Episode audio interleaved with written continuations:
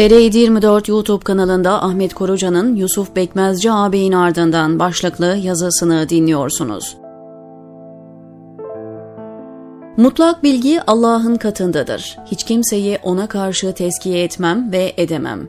Ama bu demek değildir ki bir beşer olarak müşahede alanımıza giren doğruları ve güzellikleri paylaşmayacak, hüsnü şehadette bulunmayacağız. Hayır tam aksine bunları paylaşmak dinimizde esastır. İşte okumakta olduğunuz yazı merkezinde bu düşüncenin yer aldığı bir niyetle kaleme alınmıştır.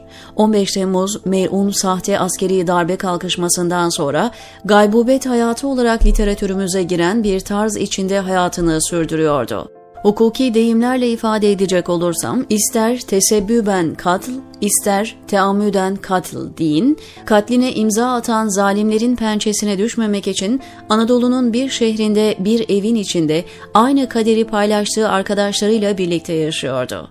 Bir haber aldım bir gün. FaceTime üzerinden Yusuf ağabeyle konuşmak istersen cümlesini tamamlamasına izin vermedim o dostumun. Ne demek tabii ki dedim. Gününü ve saatini belirledik. Evdeydim. Eşim de bu konuşmamıza şahittir. Denilen saatte telefon çaldı. Açtım telefonu ve karşımda yiğit mi yiğit, mert mi mert, nur yüzlü Yusuf ağabeyimi gördüm. Yıllar sonra bedenlerimiz olmasa da küçücük bir ekran üzerinde bakışlarımız birbiriyle buluştu. Onun bakışları kalbime saplanan bir mızrak gibi deldi geçti beni. Her zaman şahit olduğumuz metin kişiliği, vakur duruşu, onur abidesi hususiyetlerinin hepsini içinde barındıran o tok sesiyle ''Selamünaleyküm hocam'' dedi. Aman Allah'ım Nerede duysam bu ses onun sesi diyebileceğim işte o ses var olan sükuneti bozmaya ve insana bu gözyaşı seli bu iki çift gözden akan yaşlarla mı oldu dedirten gözyaşlarının salınmasına yetti. O orada, ben burada karşılıklı telefon ekranları önünde hıçkırıklara boğulmuş ağlıyorduk. Hayır hayır ağlamıyorduk konuşuyorduk. İnanın bana Firdevsi'nin Şehnamesi, Mevlana'nın Mesnevisindeki şiirler ve edebi cümleler bizim o gözyaşlarıyla yaptığımız konuşmanın yaptığını yapamazdı. Ne kadar süre geçti bilmiyorum. Yusuf ağabeyin bir ara yanındaki arkadaşa konuşamayacağız, sonra konuşuruz dediğini duydum. Başımı sallayarak evet dedim bu fikre.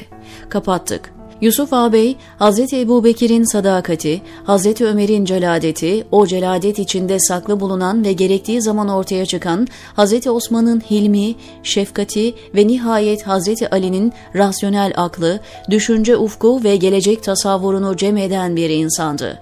Efendimiz döneminde yaşasaydı zerre kadar şüphem yok ki o taşımış olduğu kimlik ve kişilik özellikleriyle ilk sahabiler arasında yerini alırdı.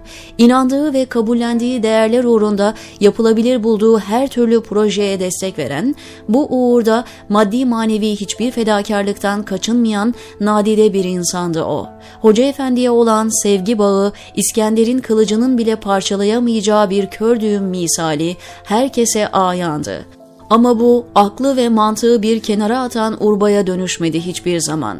Hiç unutmam esnaflarla alakalı İzmir'e yakın bir beldede cereyan eden hadiseyi tahkik etmiş ve yaptığı tahkikatın sonucunu arz etmeden önce 15 dakika hiç sözümü kesmeden beni dinleyeceksen anlatırım demişti Hoca Efendi'ye. Bunu odasından çıkışta nasıl anlatabildin mi sorusunu kendisine yönelttiğimde bana söylemişti. Zira hadisenin bütün detaylarıyla anlatılması Hoca Efendi'nin Efendi'nin gıybet ya da bu türlü şeyler arkadaşlar hakkındaki kanaatimi etkiler diyebileceği kategorideki bir muhtevaya sahipti. Sözünü kesebilir endişesini taşıyordu ama hakikatin tebellür etmesi için o tahkikat sonucunun da anlatılması gerekiyordu. Yiğitti Yusuf ağabeyim. Enderun terbiyesi almış bir karaktere sahipti. Mertti, Yiğitliğin kitabını yazar deyimi ilk defa kimin için söylenmiş bilmiyorum ama bu sınıfa giren isimleri arkası arkasına sıralayıp bir liste yapsak ve ardından o listedeki insanları yaptıklarıyla yarıştırırsak inanıyorum ki o ilk sıralarda yerini alır. Sözü ve ameli birdi. Hz. Ebu Bekir gibi konuşup Ebu Cehil gibi davranan insan hiç olmadı. Çünkü o söz ve ameli besleyen öz sağlamdı. 1976 yılında hizmeti tanıdığım günlerde kulağıma çalınan ilk isimlerden biridir Yusuf ağabey. Kendisiyle birebir tanışıklığımız Hoca Efendi'nin yanına talebe olarak gittiğimiz 1985 yılına rastlar. Pazar sabahları şimdi büyük bir kısmı rahmeti rahmana kavuşmuş dostları boyozlar alıp gelir, hep birlikte kahvaltı yapardık. Leblebici Han'daki züccaciye dükkanı kemer altına her gittiğimizde durak yerlerimizden biriydi. Yanımdaki arkadaşlarımla birlikte dükkanına her girdiğimizde babalarımızdan daha büyük yaşa sahip olan o insan ayağa kalkar, çay, kahve ve yemek her türlü izzeti ikramı yapardı. Biz ezilirdik onun hürmeti altında. Yusuf ağabey, ahir ömründe sana yapılanlar, on binlerce Anadolu insanına yapılan haddi aşkın zulümlerle birlikte zulüm. Bunda hiç kimsenin şüphesi yok. Onlar bu zulümleriyle inşallah senin cennete giden yolundaki kaldırım taşlarını döşediler ama ya kendileri için bu konuda daha öte bir söz söylemeyi Allah namına konuşma sayarım. Onun için susuyor sadece yıllar önce Bediüzzaman'ın dediği gibi sesimin en üst perdesiyle zalimler için yaşasın cehennem diyorum. Yolun açık olsun Yusuf ağabey. Yıllardır ayrı kaldığın ve hasretiyle yanıp tutuştuğunu bildiğim Naci Şen Çekicer, Mustafa Ok, Mehmet Uslu, Zeki Sakman, Köse Mahmut ve emsali nice arkadaşlarınla buluşur ve hey gidi günler deyip hizmet uğrunda çile dolu, ıstırap dolu, neşe dolu, ümit dolu günlerdeki hatıralarınızı yad edersiniz orada inşallah.